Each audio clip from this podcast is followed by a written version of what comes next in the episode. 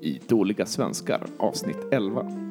Vem är det här då? Kan du presentera dig lite? Ja, eh, jag är en typ nästan barndomskamrat till Rickard och Max som bor i Stockholm men är i Berlin på besök i den här veckan. Ehm, vi började prata och det gick bra, förvånansvärt bra att prata.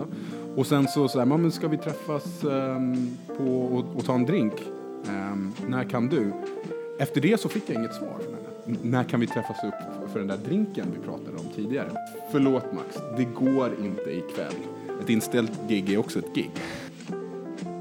Jag sänder nu från eh, en hästgård uppe i Rügen som ligger i norra Tyskland. Välkomna hit allihopa. Eh, Jag ska säga innan vi sätter igång att eh, vår delningsaktion som vi körde, eller inledde förra veckan, är inte helt klar för när vi spelar in det här så har vi inte riktigt hunnit bli färdiga med det. Men vi har fått väldigt många delningar.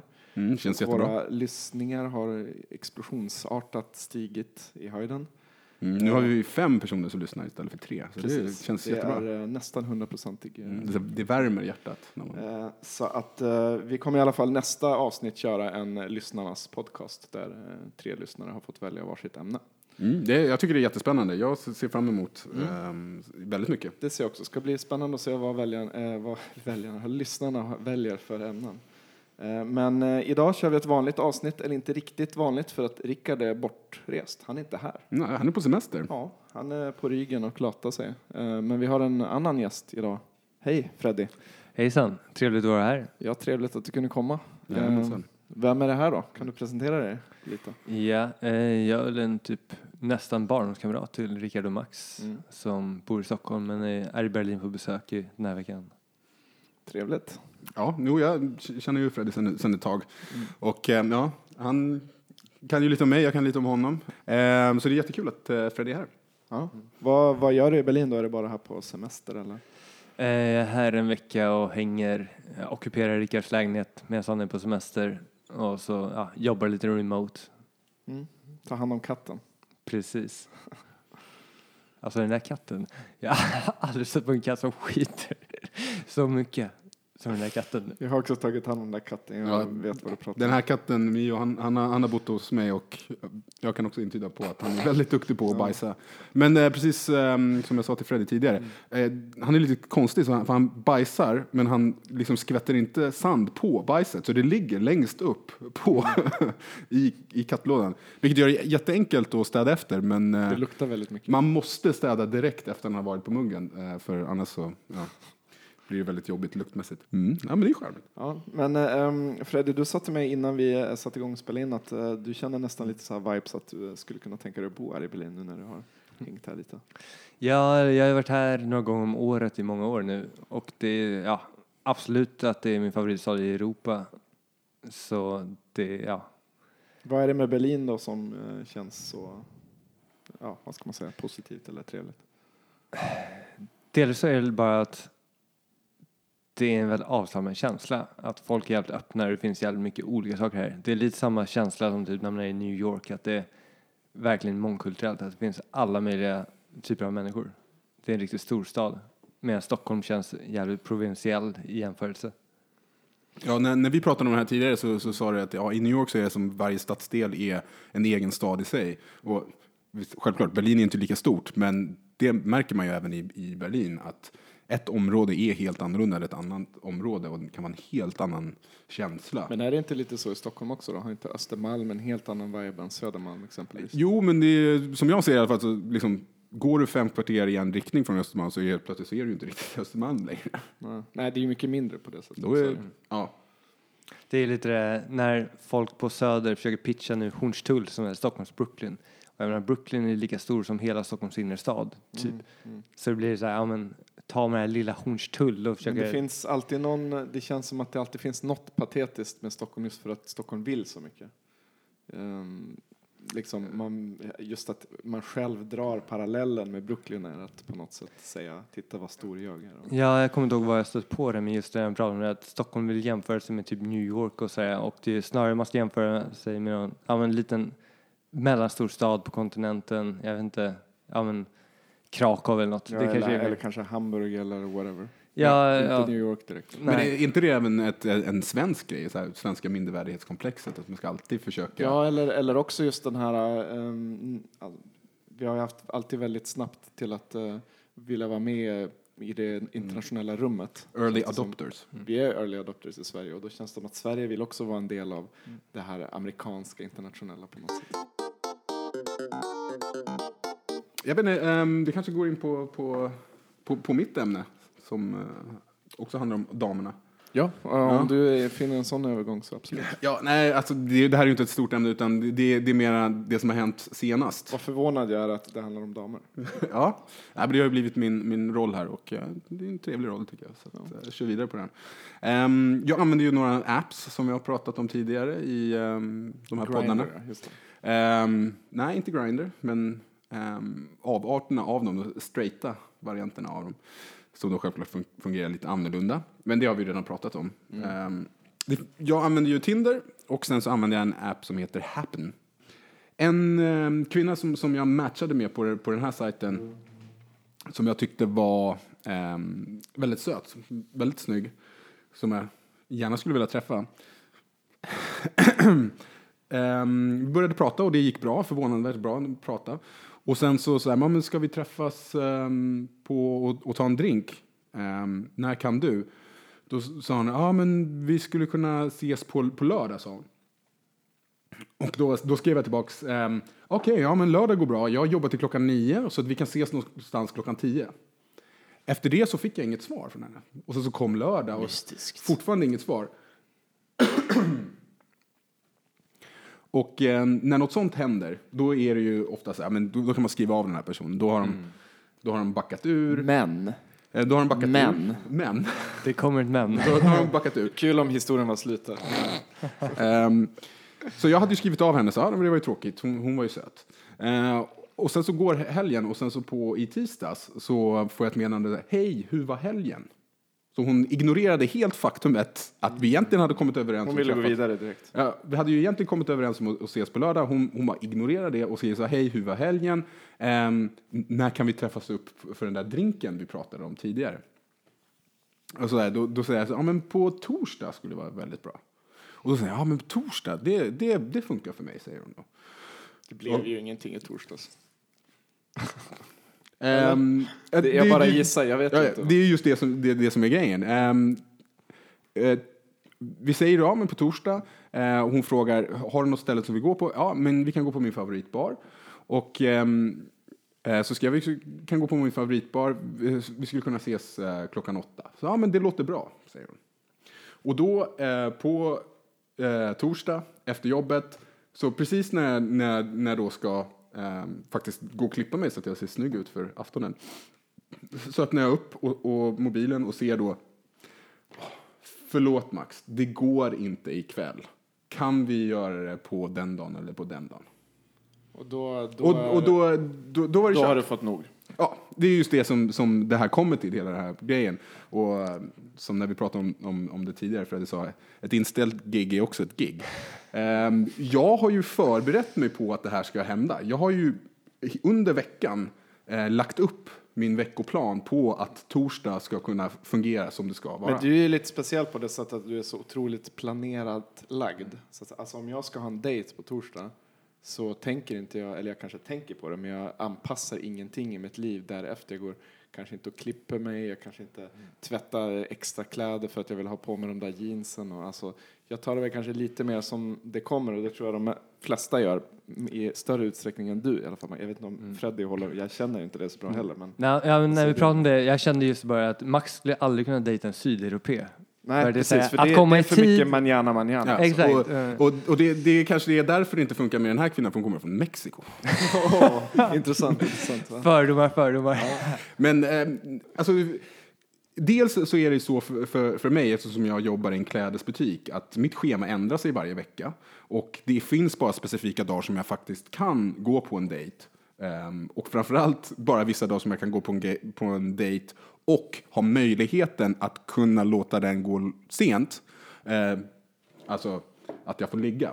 Det är ju, funkar bara på vissa, vissa kvällar. Börjar jag tidigt dagen efter, då måste jag avsluta dejten liksom klockan 10 senast. Kan man säga att ditt liggschema är liksom en inverterad variant av ditt arbetsschema? Mm, ja, på ett sätt. Exakt På samma som den, fast tvärtom. Ja, nej men, så då kan jag bara, och, och när man dejtar, då, den första dejten, då är ju då man försöker eh, presentera den bästa versionen av dig själv.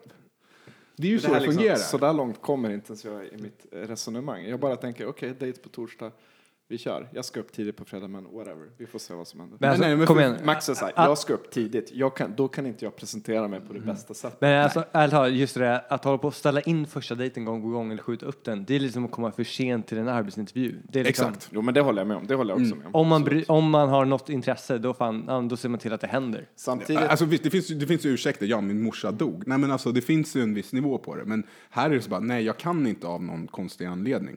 Vadå, vi kom överens om det här för tre dagar sedan. Du borde kunna lägga om ditt schema. Vad är det som bara kan dyka upp sådär? men skulle du ge den här personen en till chans? Nej, nu är det kört. Nu är det kört. Hon har missat eh, sin chans med Max. Det är så alltså. Så enkelt är det. Ja, men hur ska det här vara, liksom, och även om jag kanske är så attraherad av henne att jag ger henne en till chans bara för möjligheten att kanske få ha sex med den här kvinnan, så ehm, är ju risken, är det så att hon är väldigt trevlig och underbar och man faktiskt börjar bli lite förälskad i den här personen. Hur ska jag då kunna ha ett förhållande med Kommer henne? komma för sent till ert bröllop. ja, ja, liksom, och det kan inte jag leva med. Så att redan nu så, så skär jag bort henne från, från mitt liv för att jag bara vet, det här kommer inte fungera. Ja, men där känner man etablerar ju mönster tidigt. Så om det det blir så här, en sån ojämlik relation på det sättet, då kommer ju bara fortsätta.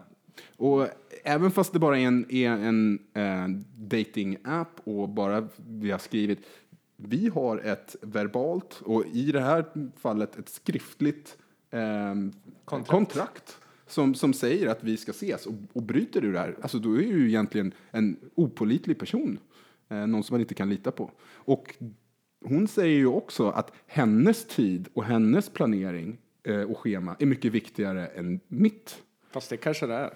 Så att jag vet ju inte vad, hon har fortfarande inte svarat. Och det här är också någonting som, som i den här konversationen med henne har varit bara störigt, vilket hon har gjort att hon har förlorat sin chans, är att hon har svarat väldigt konst, alltså det har gått väldigt konstig tid mellan att hon har svarat. Hon verkar ju vara lite konstig.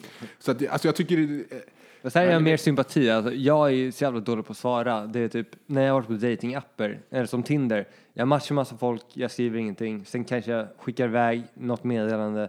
Sen svarar de och jag svarar inte. Och det är liksom, ja, ja men när du väl har, har startat en konversation som du faktiskt håller upp, då håller du väl ett jämnt mönster, eller? nej, Men det här visar ju på ointresse från din sida, måste det göra. ja. Ja, för om du hade haft ett aktivt intresse, då hade du ju inte låtit det Nej, bara- det är sant, det är sant. Ja. Nej, men ehm, ja. Så mitt, mitt ämne från... det, från det, det blev ingenting. Nej, det blev ingenting och ehm, det var ju tråkigt. Och i och med att det här också, det var att nu missade jag ju och, och kanske anordna en dejt med en annan tjej som jag har pratat, pratat med. Ja, för att jag var ju korkad nog och prioriterade den här mexikanska kvinnan när jag skulle ha prioriterat den tyska kvinnan som jag hade snackat med innan. Jag får bara säga att jag ehm, försvarade henne lite innan, men jag håller med. Jag hade också reagerat och tyckte det var väldigt irriterande. Det stämmer Mm. ju också på när folk kommer för sent eller ställer in saker stup i kvarten. Det är jobbigt. Ehm, jag skulle vilja rikta mig till dig igen Freddy, för att eh, Mm.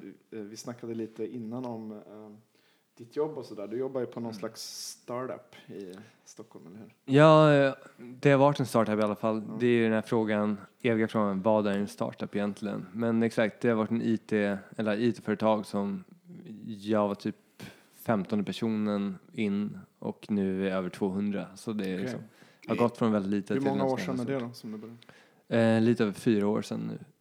Fyra år? Okej. Är det som, som startups um, porträtteras i tv-serier som, som eh, Silicon Valley? Är, är, det, ehm, kommer man in som, som de första 15 så får man eh, aktier i företaget och eh, det går jättesnabbt och, och alla arbetsplatser ska se ut som Googles med rutschkanor. Så och, var det ju för vår kompis Vattenslasken, alltså att han eh, fick eh, aktie i den startupen han började. Mm, det är så. Och det finns rutschkanor och eh, müslibar och eh, massage och eh, haft- allt, alla sådana grejer. Vi har haft massage en fredag, men inte vanligtvis. Så rutschkanor har vi inte, men vi är klart, vi har ju minibingesbord, vi har ja, DJ-bås och sen liksom, ja men discolampor i taket för efterfester och förfester och allting. Och ja, men det finns ju alltid öl i kylen. Så på det sättet, ja, stereotypen är ju ganska sann. Jag tänkte fråga med öl, för att eh, jag har ju varit på en hel del startups här i Berlin. Och där är det någon sån här tradition i princip att varje fredag efter klockan, vad det nu kan vara, två eller tre, så öppnas kylskåpet så är det bara att ta för sig med öl. Är det så i...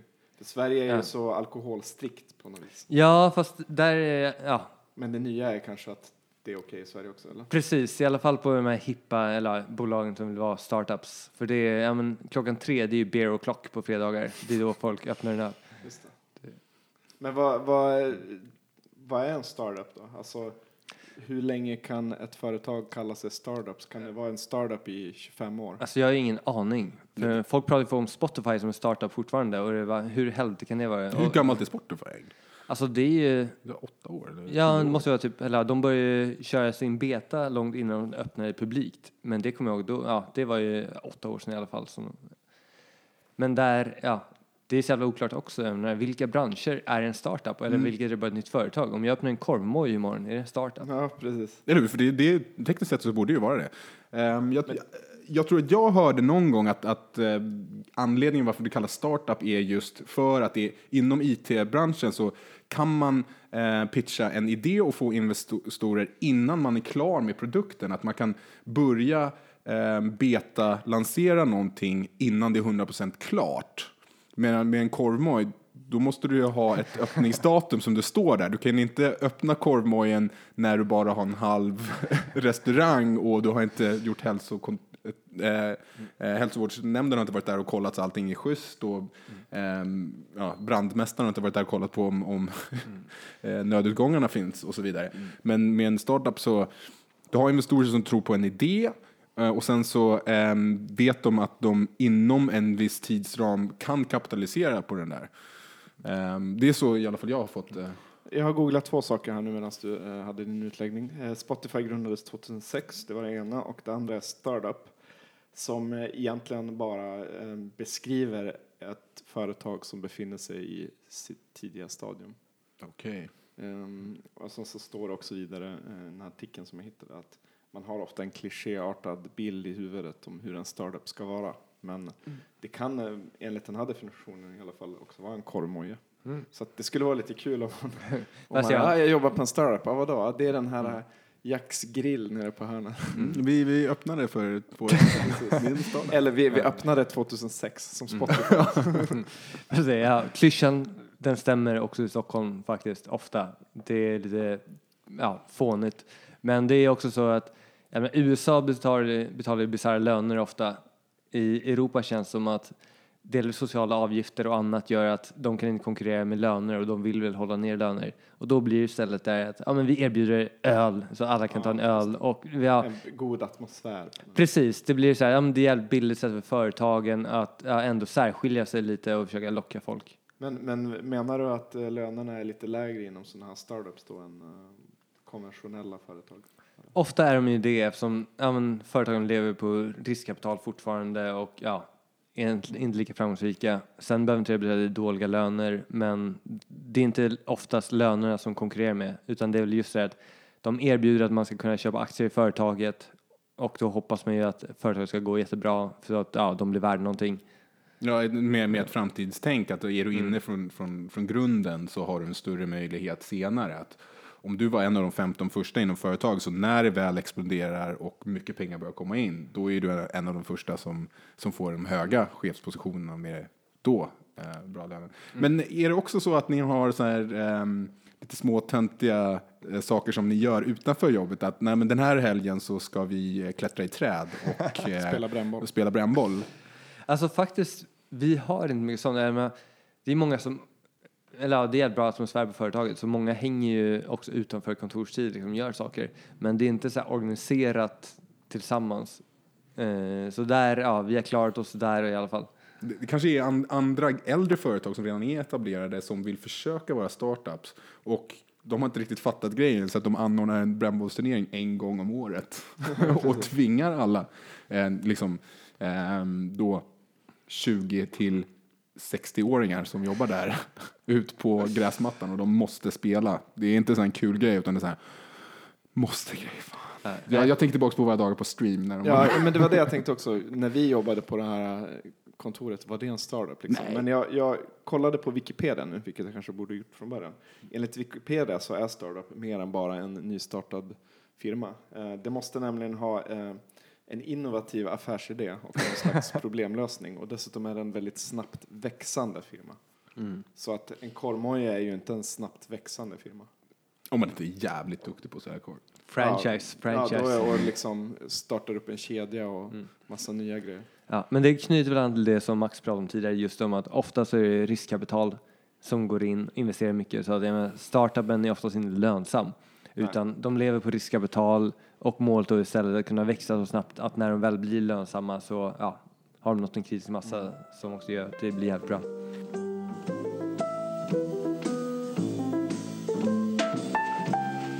Hej och välkomna till eh, Rickards lilla hörna. Jag sänder nu från, eh, ja, inte från en rökig bar i Berlin utan från Eh, en hästgård uppe i Rügen som ligger i norra Tyskland. Det är en, eh, eh, ja, Rügen består av ett antal öar som då bildar ett, en, ett landskap i Tyskland. Det är ett ganska fint landskap och det är perfekt här om man vill ha en liten utflykt till Östersjön med familjen. Det är ehm, inte lika fint som i svensk natur måste man ju medge. Um, Men det var inte det jag hade tänkt att prata om idag. Um, Utan jag hade tänkt att prata om uh, kost och diabetes och insulin och paleo. Eh, det var så här att jag käkade, eller jag testade på typer av paleo-dieter eh, Um, två gånger i alla fall. Ja, två och en halv gång kan man säga. Eh, Totalt kört kanske 70 dagar, 80 dagar. Jag gjorde det i samband med träning och tänkte att ja, men det här är en bra variabel att testa på. Um, De som inte vet vad paleo är så är paleo en typ av stenåldersdiet kallar de det. Eh, Det vill säga det här är sättet som man åt på, på stenåldern. Allt som Moder Jord liksom hade eh, som Moder Jord erbjuder oförpackat. Så att, eh, om man tänker sig i matbutiken när man går och handlar så man går till eh, frukt och gröntavdelningen och så går man till köttdisken. That's it. Min poäng var lite bara att förklara att när jag körde paleon så kändes det som att eh, efter de första 30 dagarna kändes det Eh, eftersom jag inte körde så stenhårt så märkte jag inte så himla stor skillnad. Den största skillnaden jag märkte var att jag inte fick någon sån här eh, matkoma på dagarna. Alltså efter lunch, att man blev trött och slö och sådär. Um, och så märkte jag självklart att eh, jag började, eller jag tappade lite vikt. Um, sen nästa omgång jag körde så märkte jag rejält att jag började tappa vikt och speciellt fett. Eh, kroppen ställde om på, på att bränna fett helt enkelt. Vilket eh, ämnesomsättningsmässigt är ganska eh, ja, egentligen ganska svårt att förstå om man inte eh, förstår själva kroppens biologi, vilket inte jag heller gör. Men eh, jag, kan bara, jag kan bara gissa mig fram på det som jag har läst. Det som jag fick ut av de, de här andra episoderna av 30 dagarna var också att jag var betydligt mer piggare och jag märkte också att jag, jag förlorade inte någon kraft utan jag kunde fortfarande liksom vidhålla styrka och bygga på styrka och bli, bli starkare på samma gång. Och eh, morgontröttheten försvann. Vilket jag tror, ja, jag vet inte om, om min fru eh, märkte det särskilt mycket men jag märkte det. Um, hon brukar annars klaga på att jag ligger och drar mig i sängen för länge. Och det är verkligen um, det är verkligen så det är nu märker jag. När jag, att när, vi, när jag inte äter på Leo så ligger jag och drar mig i sängen extremt länge för att jag är så jävla morgontrött. Även om jag sover många timmar. Och det beror på att blodsockret är lågt helt enkelt när man vaknar. Och det är tufft. Blodsockerhalterna och blodsocker och insulin har att göra med eh, ens välbehag och ens prestation överhuvudtaget. Eh, för att eh, förklara lite enkelt så är insulin en, eh, en typ av en transportör för glukos eller socker. Den transporterar glukos till uh, cellerna så att cellerna kan uh, skapa energi helt enkelt så att de kan växa och eh, så att vi kan röra oss. Många tror ju att det är bara, alltså, det, det är bara uh, folk som äter mycket socker som blir diabetiker eller får diabetes typ 2 eller något sånt där. Men eh, det är inte riktigt så enkelt. Det är nämligen så att folk är uppdelade har, lite, har liksom genetiskt olika anlag för hur mycket eh, insulin kroppen eh, skickar ut när man äter kolhydrater. Ju mer insulinkänslig du är eller sockerkänslig du är desto mer insulin pumpar kroppen ut på en gång. Och det leder till att om du äter för mycket socker eller kolhydrater så, så uh, blir liksom cellerna överbelastade med eh, socker. Så, måste börja spela in här eh, utomhus istället. Jo, och när, när cellerna blir överbelastade med socker så finns det två alternativ. Antingen så, så, äh, så, så förbrukar man det eller så, så sparar man det som fett. Eh, och vara, vara till exempel känslig eller insulinkänslig är ju eh, har ju sina både för och nackdelar. Och nackdelar är såklart att så fort du tittar på en eh, godisbit så kommer kroppen att vilja lägga till. Eh, överskottet i fettreserverna.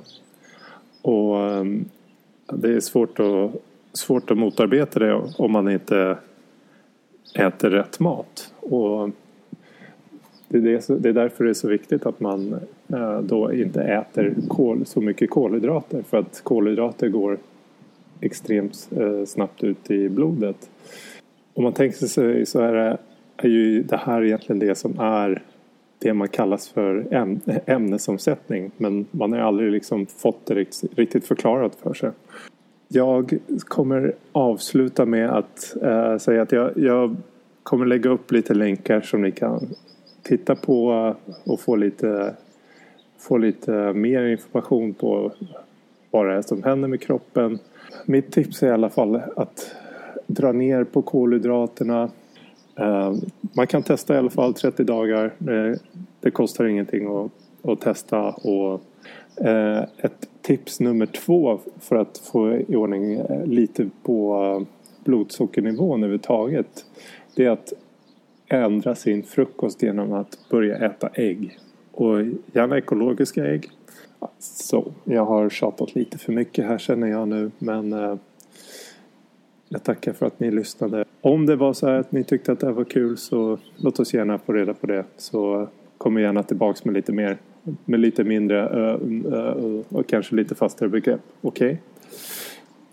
Kör lugnt, simma lugnt, ät nyttigt och ha kul. Hej. Ja, så där kunde det låta när Rickard var på besök i Rügen. Spännande liten historia han hade där. Mm. Um, det är dags för mitt ämne. Och um, det är så att um, häromdagen när jag var på gymmet och uh, tränade lite så um, det är så att uh, det jag gymmar det ligger ovanpå ett stort varuhus flera våningar upp. Um, och eh, när jag var färdig så tänkte jag att jag behöver kompletteringshandla lite så att jag tog bussen, eh, bussen jag tog hissen ner eh, till källaren för det är där eh, matvarubutiken finns. Okej. Så att, eh, jag tog eh, hissen ner dit, men sen så när jag kom ut direkt så såg jag att det var stängt. Det var liksom eh, en korridor och sen så har de bara stängt en dörr så att man kan inte komma in till matvarubutiken. Och precis in, innanför den här eh, dörren så satt det en, eh, en eh, narkoman med liksom hela sitt, eh, sina verktyg och sina sprutor och allting satt bara där. Och, eh, han var ganska ung, kanske i min ålder sådär. Och han sa bara, vart, vart vill du gå någonstans? Han började prata med mig, jag tog kontakt direkt. Och jag bara, jag tänkte gå och handla. Och han bara, nej men det är stängt, de stänger nio, klockan är tio över nio nu typ. Jag bara, ah, okej. Och så började han direkt ge mig tips och var så här skittrevlig och bara, ah, men om du vill gå och handla så ta tunnelbanan, eh, alltså jag bor bara någon två stationer bort så att jag känner till området. Men jag spelade med lite, han bara, ah, du kan ta tunnelbanan hit eller dit eller så kan du gå bort dit och handla liksom. Um, och så sa jag bara, ah, tack, tack så jättemycket um, för hjälpen och sådär. Och så sa han bara, och du, innan jag gick bara, eh, avslöja inte till någon att jag sitter här och skjuter. Och jag bara, nej det ska jag inte göra. Eh, men eh, det fick mig att börja tänka lite på just eh, missbrukare och hemlösa. Så att jag ska prata lite om hemlöshet. För det är också så att ett, på ett annat sätt än ganska vanligt förekommande, ett vanligt förekommande inslag i mitt liv. För att just nu så sitter jag och skriver på min masteruppsats. Så jag går till biblioteket och ett av de biblioteken där jag går på eh, dagligen eh, ligger väldigt nära, eller det, för att komma dit från tunnelbanestationen så går man genom en gata som är, det är så otroligt många hemlösa här. För de samlas där för att det är två, på samma gata det är två sådana här ehm, någon slags hjälporganisationer för hemlösa. De, jag tror att de ger ut mat och kanske... Är Härbergen Ja, det är en, soppkök? jag tror att det kan vara båda och. Men det är i alla fall soppkök och det är någon slags sån här Röda Korset-grejs för hemlösa i alla fall. Så att, att gå från tunnelbanestationen till biblioteken, det är varje morgon och även eftermiddag när jag går tillbaka. Det är liksom, det stinker av piss, det är, man får nästan simma mellan massa hemlösa personer som sitter även liksom öppet med sina sprutor eller ligger och sover utan skor. Pratar, pratar på- vi om, om en kort sträcka på 100 meter med 100 pers eller är det 300 meter med 10 pers? Nej, det är, det är 100 meter och ibland så är det kanske fem pers. Men det, det är hur mycket pisspölar och det är liksom verkligen direkta märken. Det Och, och vi vet ju alla att, eh, som, som har bott i en större stad att, att en hemlös eh, snedstreck eh, knarkare eh, tar ju upp lika mycket plats som 10 eh, icke-narkomaner. Men det, det, det är ibland så att det är... Eh, I lukt och eh, ljudnivå och eh, Så är det, så allmänt personal så är det, men, men, men fem personer det är ungefär minimumgränsen. Ibland så samlas de till, jag antar att det är någon slags ut, utskänkningstid för soppkök eller någonting och då kan det vara eh, ja, det är inte 100 personer men det är kanske 50 personer eller någonting. Hemlösa som ligger och eh, sitter och du vet allt sådär. Och ibland så, de är så berusade ibland så att de, det var en gång som jag nästan blev Alltså det var en som, han stapplade liksom fram och jag försökte bara gå in till tunnelbanan liksom var färdig med min dag och sådär och han i princip, alltså jag fick verkligen värja mig för att jag inte skulle liksom hoppa in i mig för han var så. Så, så ni hade en liten dans där. Vi hade en liten dans där på trottoaren eh, och det är liksom, det är lite irriterande, det, det är verkligen en vidrig gata, det är verkligen det. Eh, men eh, hemlöshet är ju eh, en väldigt jobbig grej eh, och jag kommer att tänka på det här då eftersom att det är så vanligt inslag i mitt liv och det finns sjukt mycket hemlösa i Berlin. Alltså på tunnelbanan, det är ju hela tiden hemlösa som säljer tidningar och tigger om pengar och sådär. Ja, det, det är ju verkligen i Berlin. Ehm, någon som har varit i Berlin mer än några dagar och, och åkt tunnelbanan har nog märkt att i genomsnitt varannan tunnelbanetur du tar så är det någon person som ber om pengar på något sätt i Mm. tunnelbanan. De hemlösa i Stockholm, de är ju så jävla high-tech numera. För det med Stockholm har ju kommit jävla långt i det här kontantlösa samhället. Så det är ofta som folk bara säger, jag har inga kontanter. Och då numera så alla som säljer situation Stockholm, de är bara, men jag tar swish. Det är ju, det är ju som ett skämt eh, i Berlin. Alltså det skulle folk tro var ett skämt om man berättar det. Det är helt, helt otroligt. Det är fantastiskt. Men att, låt eh, mig hänga komma på. till, Ja, eh, till siffrorna. Hur, hur många hemlösa tror ni att det finns ehm, i eh, svenska samhället? Om vi tar Sverige som exempel. Alltså, Ja, Räknar vi på hela landet? ja men eh, precis, hela landet. Alltså snackar vi, eh, det är självklart inte så att 20 procent av befolkningen är arbets, eller vad säger jag, är hemlösa. Men skulle ni kunna liksom få en, ha en Alltså, föreställning om? det beror på, för Eh, det är två olika saker om man säger typ hemlöshet eller uteliggare. Det, är det är ganska många som är hemlösa så att de har inte ett eget hem. Ja, Däremot det är, de, det är den de- gruppen jag pratar om. Ah, Okej, men de har en soffa att sova på och där kan det vara ganska många. Mm. Så om man säger uteliggare däremot, där är ju Sverige ändå ganska bra på att det inte är så många. Men, Ja, eh, Jag har ingen aning. Jag har tagit reda på det här. I Sverige räknar man med ungefär 20 000 hemlösa. Och det är precis som du säger, alla hemlösa är inte uteliggare. Men det är ungefär 2 promille drygt av svenska befolkningen. I Tyskland är det 335 000 personer. Vilket är liksom större än hela Malmö stad om man skulle översätta det så. Men utslaget på deras 82 miljoner invånare så är det ungefär dubbelt så många som i Stockholm, 4 promille ungefär. Alltså ganska lite, liksom 99,6 procent är inte hemlösa. Det är, men jag har tänkt då lite grann på det här med hemlöshet och eh, jag tycker det verkar så, alltså det verkar så vidrigt. Det är kallt och jävligt på vintern. Det är folk som dör på vintern också. I Polen har jag varje vinter egentligen att folk som dör, det brukar vara, stå i Ja, här, här i Berlin så ser man och- till vintern så ser man alltid eh, reklam i Mm. tunnelbana eh, på ehm, ge någon lite värme Mm. och ehm, skicka pengar till det här numret till våra eh, värmebussar. Värmebussar, ja. värmebussarna. Mm. Då är det alltså bussar som kör runt i Berlin och ger uteliggare filtar och varm dryck och soppa. Och om de märker att någon håller på att frysa ihjäl så, så, så plockar de in dem i bussen och kör dem till sjukhus så att de eh, kan eh, bli behandlade för eh, nedkylning. Den tyska journalisten Günther Wallraff gjorde ett eh, wallraffande eh, reportage om eh, eh, hemlöshet där han klädde ut sig till eh, någon slags lodis och eh, såg, eh, liksom ville undersöka hur lätt det var att få. Eh, det här var mitt i vintern, det var typ 25 grader ute. Och eh, han ville se hur lätt det var att få ett rum och det var ganska svårt och så här, det var väl under vidriga omständigheter och sådär. Så att eh, mot bakgrund av att det är så himla jobbig och utsatt situation eh, så kan man fråga sig varför finns det här? För att eh, ta ett land som Tyskland där det finns ganska många hemlösa. Det borde vara omöjligt egentligen att, att det finns hemlösa människor. Därför att om du har en lägenhet och, men du har väldigt lite pengar, du kanske är arbetslös eller på en annat sätt fattig och sådär. Så är det så att SOS faktiskt betalar din hyra. SOS går in och säger att ja, om du har lite pengar så hjälper vi dig med din hyra delvis eller helt.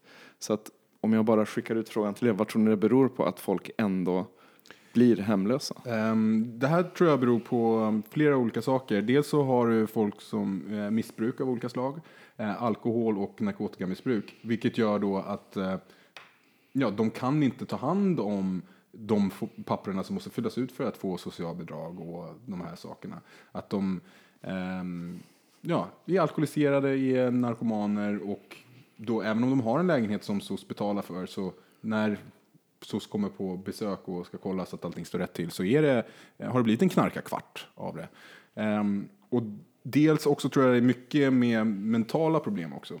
Att det är folk som har inte fått mental hjälp för olika ehm, diagnoser. Där kan jag tänka ändå en skillnad jag upplever i Berlin. Det är att i Stockholm är det väldigt mycket folk med mentala problem. Jag menar, efter att i början av 90-talet när de skulle spara pengar och stängde mentalsjukhusen och säger att ja, men, mentalpatienter, ni ska kunna bo själva. Och sen klarar de inte av det. Så de hamnar på gatan istället. Jag menar, det är en stor del av Stockholms uteliggare. I Berlin känns det som att droger ändå, eller mitt intryck blir att droger är mycket större i Berlin också bland uteliggare. Alltså om man ehm, ska se till Sverige då, jag har bara statistik från Sverige på den här fronten, men då är det så att 60 procent av hemlösa eh, drygt är missbrukare och 40 procent eh, lider av någon slags mental sjukdom. Och det här är då två överlappande grupper förstås. Det är inte så att det är 60 liksom, missbrukare som är helt friska och tvärtom, utan det är säkert många som är missbrukare och mentalt sjuka och sådär. Eh, men det, det är självklart att, att, det är ett väldigt, eh, att det är en väldigt starkt bidragande faktor. Och när man läser på vad, vad det beror på just hemlöshet i Tyskland, och jag antar att det är likadant i Sverige i princip, så det, det är så frustrerande på ett sätt därför att de har rätt till att få pengar och om det är så att, um, att um, sociala myndigheten, Socialamt som det heter i Tyskland, märker att den här personen kommer efter sina i sina hyresbetalningar och kanske har drogproblem eller andra problem och liksom är i farozonen att bli hemlös så kontaktar de den här personen, skickar brev, eh, kan till och med vara så att de skickar en person att liksom försöka ta reda på vad den här personen är. Men ofta så har de slutit in sig i sin egna lilla värld eller håla och kanske ligger hemma och kanske är hög och sådär. Eh, Så att när de har fått tre brev av sociala myndigheter och ingenting har hänt och liksom hyresvärden har inte fått sina hyror den senaste tiden, kanske flera månader, så är det så att man skickas ut. Då blir man vräkt helt enkelt. Då blir man- står man på gatan. Då blir man vräkt och problemet är att när du väl har blivit vräkt, då är det extremt svårt att komma tillbaka. För att tänk dig själv att du står på gatan, du har kanske drogproblem, kanske någon mental svårighet, du kan inte få ett jobb. Och utan jobb så får du inga pengar. Och för övrigt är det liksom väldigt svårt att få jobb om du inte har en lägenhet också. Vart ska de skicka din, dina löneavräkningar till? Ja, det, Balansgång där och som sagt det blir ett moment 22 lite när man väl har hamnat där. Då kanske man vill ta tag i sitt liv men då går det nästan inte. Ja, och, och är du då eh, alkoholist och beroende av olika narkotika, då är det ju jättesvårt. För jag vet inte hur det är i Berlin, men man har, har ju hört från att i Stockholm att det är så. ehm, det finns um, härbergen där du kan sova och få, få mat och såna här saker. Eh, men du kommer inte in dit om du är full eller påverkad. Mm. Och jag misstänker eh, av bara praktiska grunder att det är exakt samma sak i, i, eh, i Berlin. Att du kan inte få sova här om du är full eller du är påverkad av någon narkotika. För du kommer störa alla andra, det är risk för bråk och mm, att det kommer bli andra konsekvenser av att du är där påverkad. Så de utesluter dem. Så antingen så är du nykter och får lite hjälp. Vilket är typ som att erbjuda dig Max en lägenhet. Du får bo i den här lägenheten tio år om du aldrig tar hit en Tinder-date. Till Liksom, exempel. it's not gonna happen. Nej men i Stockholm så, det knyter verkligen an till hela Sveriges, eh, hur drogpolitik alltid har använts eller fungerat. Och det är ju den här att det ses in, Straffande. Ja exakt, straffande. Det ses inte som en sjukdom som ska behandlas, att vi ska hjälpa dem. Utan det ses som en moralisk brist hos människor. Att du, ja du är en droganvändare, det är en moralisk brist hos dig. Ja, det, det är ju grejen med att vissa människor kan inte kontrollera det. De kan helt enkelt inte kontrollera det. Och kommer, det kommer bara bli värre och värre och värre och värre.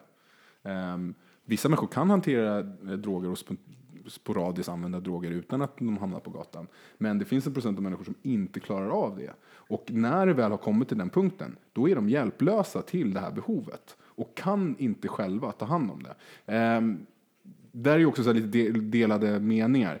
Jag, jag tror att det finns en viss procent av människor som inte kan ta hand om det. Och, och, och sen så finns det en väldigt ytterligare en mindre procent av de människorna som faktiskt kan säga okej, jag är beroende av det här men jag kan ta mig ut. En arbetskollega till mig, hon var eh, bodde på gatan och var beroende av olika droger. Oj, vadå, bodde hon på gatan Hon bodde på gatan och var beroende av, jag tror att det var ehm, amfetamin och liknande. Och vid något tillfälle så sa hon så nej men det här, jag vill inte det här längre. Och hon jobbade sig upp från det och eh, jobb, Skaffa den lägenhet och... fi- fixade allt vad hon behövde göra och sen så började jobba. Och, um, och så. Och eh, det, det, det intressanta med det, för innan hon sa det så hade jag aldrig tänkt på det här. Liksom, jag har mer tänkt på att det var en väldigt hård och tuff kvinna. Vadå, du hade inte märkt att hon var hemlös eller? Nej, nej, alltså jag skulle aldrig ha tänkt på att hon har varit eh, en narkoman, som man skulle säga på svenska, och bott på gatan. Skulle jag aldrig ha tänkt, om det inte var så att det kom upp vid ett tillfällen eh, i Men samtal. eh, bara för att förtydliga, var hon eh, hemlös vid något tillfälle när ni jobbade ihop Nej, nej, också? nej, nej, innan hon Okej, jobbade. Jag förstår, jag förstår. I sin ungdom så, var, så var hon beroende av droger och bodde på gatan. Och sen så, i, i hennes mening, den som, som vill kan komma bort från gatan. Det var det hon säger. Det som jag tycker också var intressant, jag skulle aldrig ha sett det på henne. Men efter att hon hade berättat det ehm, så, så ser jag på i hennes ansikte, framförallt när hon ler och skrattar, att hon har det här typiska ehm, ansiktsuttrycket, eller att, att, att verkligen att ansiktet har ändrats Av av, narkotikan. av, av narkotikan. Ehm, vilket kanske är anledningen varför hon inte ler och skrattar så mycket. Hon, se, hon ser eh, lite äldre ut också förmodligen. Ja, hon ser, nog, ja, hon ser lite äldre ut än hon egentligen är. Ehm, I alla fall ur ett eh, ekonomiskt perspektiv är det också eh, jag har lite svårt att förstå varför det byråkratiska systemet är uppbyggt på så sätt att eh, i Tyskland då att, att socialen inte går in och betalar hyran direkt utan att det på något sätt, som jag har förstått det i alla fall, måste gå igenom hyresvärden hela tiden och om då hyresvärden inte går att kontakta så blir den liksom vräkt. tror du att det Eh, här är på något sätt för att förhindra eh, att folk utnyttjar det här? kan vara så, men samtidigt så om man ser till fakta nu då så är det sju gånger så dyrt för samhället med hemlöshet än vad det hade varit att bara betala hyra. Så att det är liksom, är man verkligen så rädd för att någon ska utnyttja en liten hyra någon gång här och där? Jag tror inte det. Jag tror att det, det är något, eh, ja, en, se, en tröghet kanske i, i det byråkratiska systemet. Nu när vi pratar om det, på något sätt så tänker jag så här, vi har de här människorna som, som är be, beroende av olika droger och substanser och alkohol. Att på någon punkt, även fast det hindrar folks frihet, skulle man inte kunna så här, nej, nu har vi sett att du har det så här på det här sättet och nu försöker vi tvångsrehabilitera dig. Att vi skickar dig ut på landet till en, eh, ett, ett ställe, ett rehabcenter och försöker komma i, liksom fixa ditt eh, beroende här. Det är intressant att du säger det, för när jag tänkte på det här ämnet så ville jag gå lite, eh, jag ville röra mig i tid och rum. Så att jag kollade dels på hur det sett ut i Sverige och där var det, fanns det fler hemlösa på 60-talet än vad vad det är nu. Man kanske tänker att det är ett nytt fenomen. På 70-talet fanns det mycket färre för då kom miljonprogrammet men sen så klarade de inte av, många människor, att, att få en ny lägenhet för att de inte liksom, det följdes inte upp utan man bara gav dem nycklarna ungefär. Men eh, det fungerar enligt vissa att, att man får en lägenhet bara rakt upp och ner men då måste det följas av någon slags support på något sätt.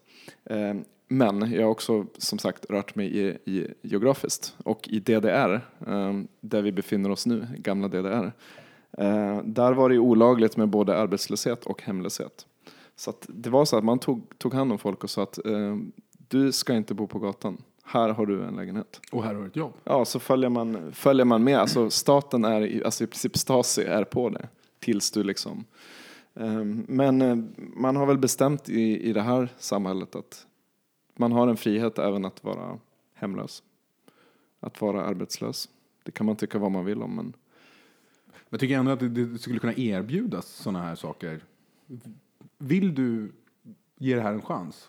Men jag Så tror kom, att- kom med mig, jag kommer sätta dig på en buss nu. Men jag och när tror du kommer att- av den bussen Men det finns väl många sådana här eh, säkert förbättringsprogram. Nu, nu gissar jag lite, men jag skulle gissa att det finns många sådana här grejer. Men, men det går säkert ofta hand i hand med att bli nykter. Och att bli nykter är inte så himla lätt. Alltså då, Nej, så här, och- då ska du sättas på något rehabprogram i flera månader Ja. och du kommer inte palla det, du kommer rymma eller vad det nu kan vara. Så det finns säkert mycket sånt. Men just den här tvångshanteringen av människor som det fanns i DDR exempelvis. På gott och ont kanske man kan argumentera då. Men Ja, det har vi ju kommit bort ifrån. Ja, men där känns ju direkt att man, det låter ju så attraktivt bara. Ja, men vi har en lösning där vi verkligen tar Mm. tag i problemen. Samtidigt tänker man ju på det, A bird flew over the cuckoo nest. Vad heter den? Gökboet. Gökboet, precis. Ja, men att, ja, men hur länge kommer man ha det här innan det börjar missbrukas? Ja, men, fan, du är rökare Max. Ja, men nu tar vi dig, tvingar ut dig på vision och bo och så här, tvångs ja, avvänja dig. Ja, det skulle vara extremen. Eh, jag tänker mer så här, ska vi, vi har de här människorna som bor på gatan. Vi vet att de bor på gatan och det är, det är de vi ska ta hand om. Jag tror i alla fall att en eh, anledning till att eh, Alltså jag tror ändå att det finns ehm, några lösningar som jag var inne lite på just att ge bostad men att verkligen försöka bistå eh, människor i farozonen eh, med mer hjälp och så medan de har fått en lägenhet. Problemet är att den här gruppen är väldigt liten som jag sa två promille och de har liksom ingen makt per definition. Det är den mest maktlösa gruppen i samhället så att det här är ju ingen stor valfråga eller något sånt där. Nej, men det, det är ju bisarrt just men i ett rikt samhälle, eller både Sverige och Tyskland, att man har människor som behöver sova på gatan. Mm. Det är liksom, hur kan det fortfarande hända? Mm. Det är sjukt. Att det inte finns härbärgen, liksom bara att det finns tillgängligt en, ja, en säng att sova på, bara med tak över huvudet.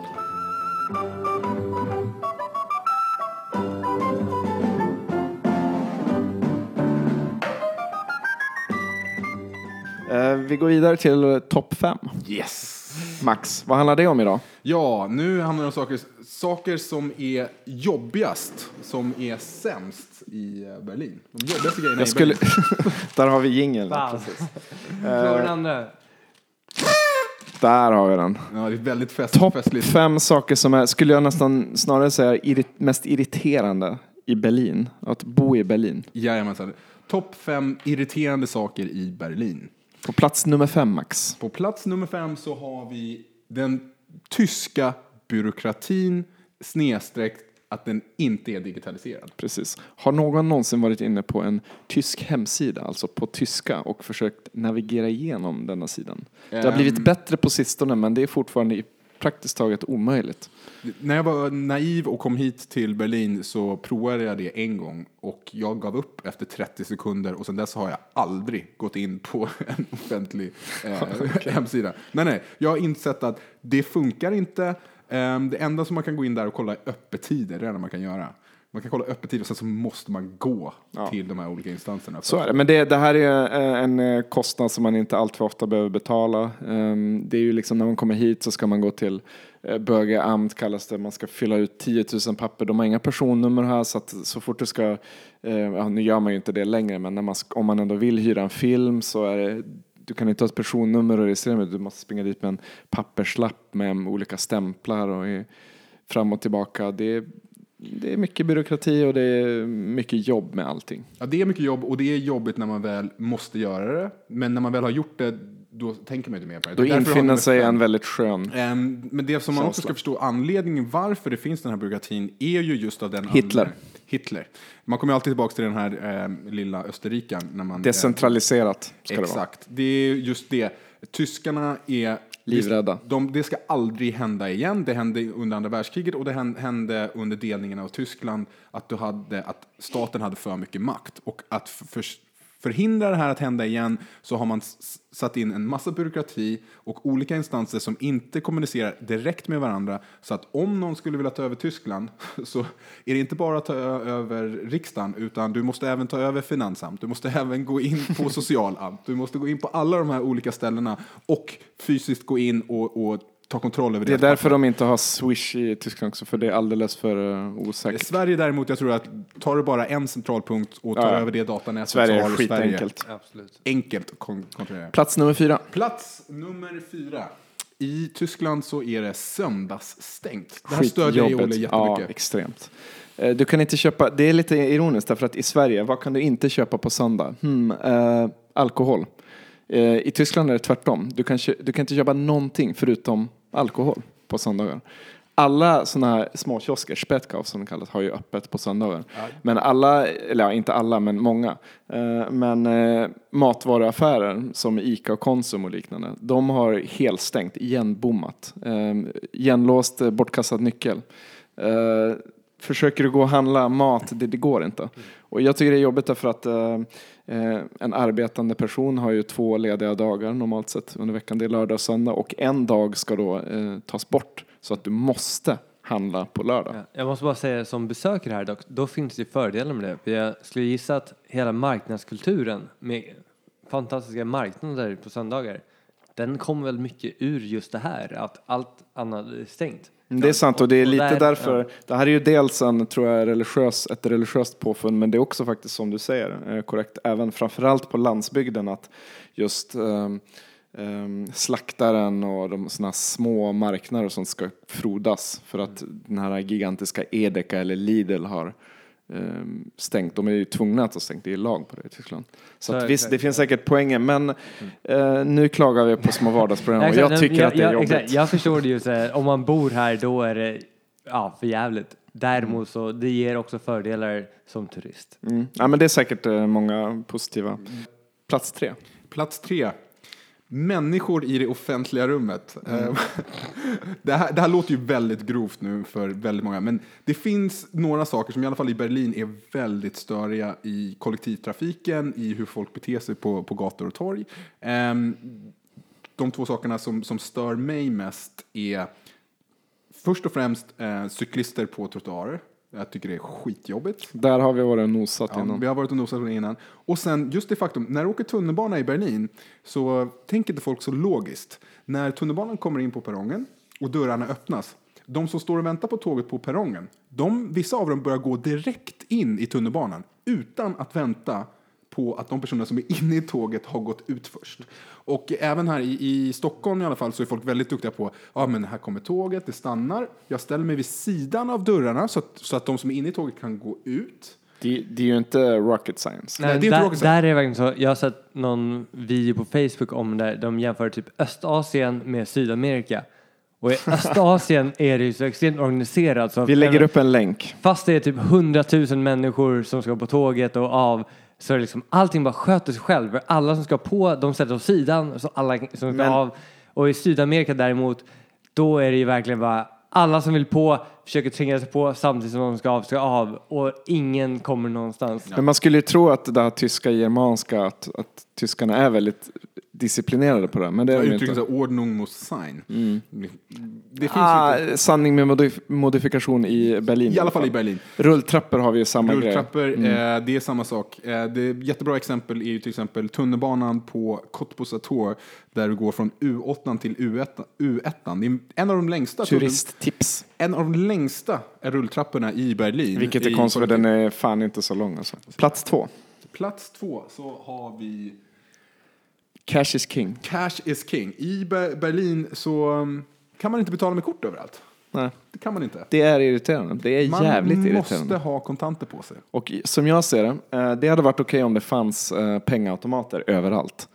Men alltså, det finns ju fan knappt en enda pengaautomat i Berlin. Och just det faktumet att eh, i Stockholm eh, och i Sverige så, så kan du, du kan ta, har du Sparbanken, eller Swedbank som det heter, så kan du ju ta ut pengar på alla bankomater och tvärtom. Men eftersom Tyskland är decentraliserat Jajamensan. så eh, har bankerna ingen kontakt med varandra. De vet knappt att, denna, att det finns andra banker. nej, jag har Deutsche Bank, vilket är en av världens största banker. Går du in där så och frågar om eh, de vet vad Berliner Sparkasse är, de har aldrig hört talas om det. Nej. Men om jag vill ta ut pengar på en annan eh, bankomat, då måste jag betala eh, upp till 5 euro Mm. Ett uttag. Om, om jag ska eh, eh, någonstans och inte har pengar så vet jag att det kommer förmodligen inte gå att betala med kort på det här stället om det är en bar exempelvis. Eh, så då måste jag åka tio tunnelbanestationer i andra riktningen för att hitta just min bank. Och då kommer nästa punkt. Många gånger fungerar inte pengaautomaterna. Så då måste du åka ännu längre bort. I i slutet är det så här, jaha, nu är jag liksom på andra sidan stan nästan. Bara för att få ut pengar. Det är bara så jävla jobbigt. Jag tycker det är så skönt i Sverige. Jag slipper röra i pengar. Jag bara betalar med kort hela tiden. Det tycker jag är väldigt irriterande. Jag har vant mig vid kontanter så att jag var den konstigaste personen i Stockholm när jag gick på Trädgården i förra sommaren och jag var den enda personen som betalade kontant. Men du Max, om jag säger plats nummer ett, vad säger du då? Då har vi faktiskt matbutikerna. Ja, det här tror jag alla som har bott i Berlin håller med om. Och det här är ju egentligen inte enbart Berlin utan det här är ju en tysk grej. Men hur kommer det sig egentligen? Är det lagstiftning eller är det bara att allting är bakvänt? Nej, alltså saken i är, i Berlin, så om du vill gå och handla och få tag på vissa saker, som i Sverige, du behöver bara gå på en ICA Kvantum eller ett Coop Forum, så har du allt du behöver. Du kan göra alla dina in, vardagliga inköp för den vardagliga, mat och hygienartiklar och toapapper och städgrejer och, och så vidare. Allt det kan du sköta i en butik. Men i Tyskland så är det så att du kan inte få tag på allting i en supermarket. Det går inte. Eh, Man måste gå på, först så, jag till exempel, jag, jag går på Lidl där och där får jag grundsakerna till ett bra pris. Vi är inte sponsrade av Lidl. Nej, eh, men sen så eh, måste jag gå till ehm, Kaufland Vi är inte sponsrade av Kaufland. eh, för att få tag... Sluta nämna namnen på dem. För att få De tag... Ska nämna att det finns det många andra Ja, eh, okej. kedjor. Så, att, så att om man säger så här, jag går till en lågpriskedja för att få tag på grundsakerna. Sen så måste jag gå till, en större va- matvarukedja för att få tag på vissa specialprodukter för att deras utbud är lite större. Men även fast deras utbud är lite större eh, så kan jag inte få tag på alla hygienartiklar Eller ljus. eller ljus. Och för de sakerna så måste jag gå till en tredje butik som är lite av en sådär, avstyrning från mer så här, apotek än någonting annat. Som har en jättekonstig blandning av produkter. Du kommer in och de har alla skönhetsprodukter, schampon och tvålar och sådana där saker. Sen har de vin. Sen har de djurmat och sen så har de ekologiska produkter.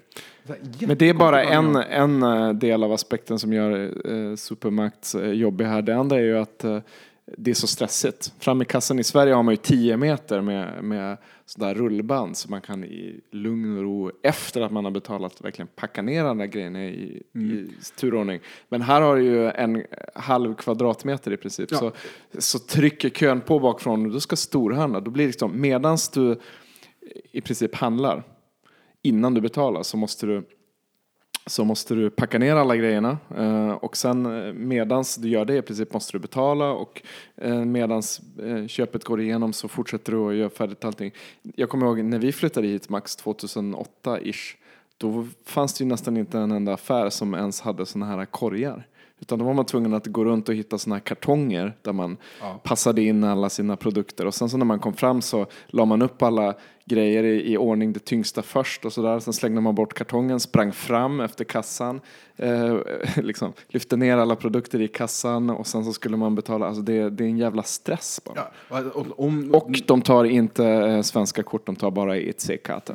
jag är bästa packaren. Jag ska säga att det tog ganska lång tid för att, att komma på fem större grejer med Berlin också. Så att, Det Och det är, om det värsta är matvarubutiker, om det är det värsta, det är, Precis.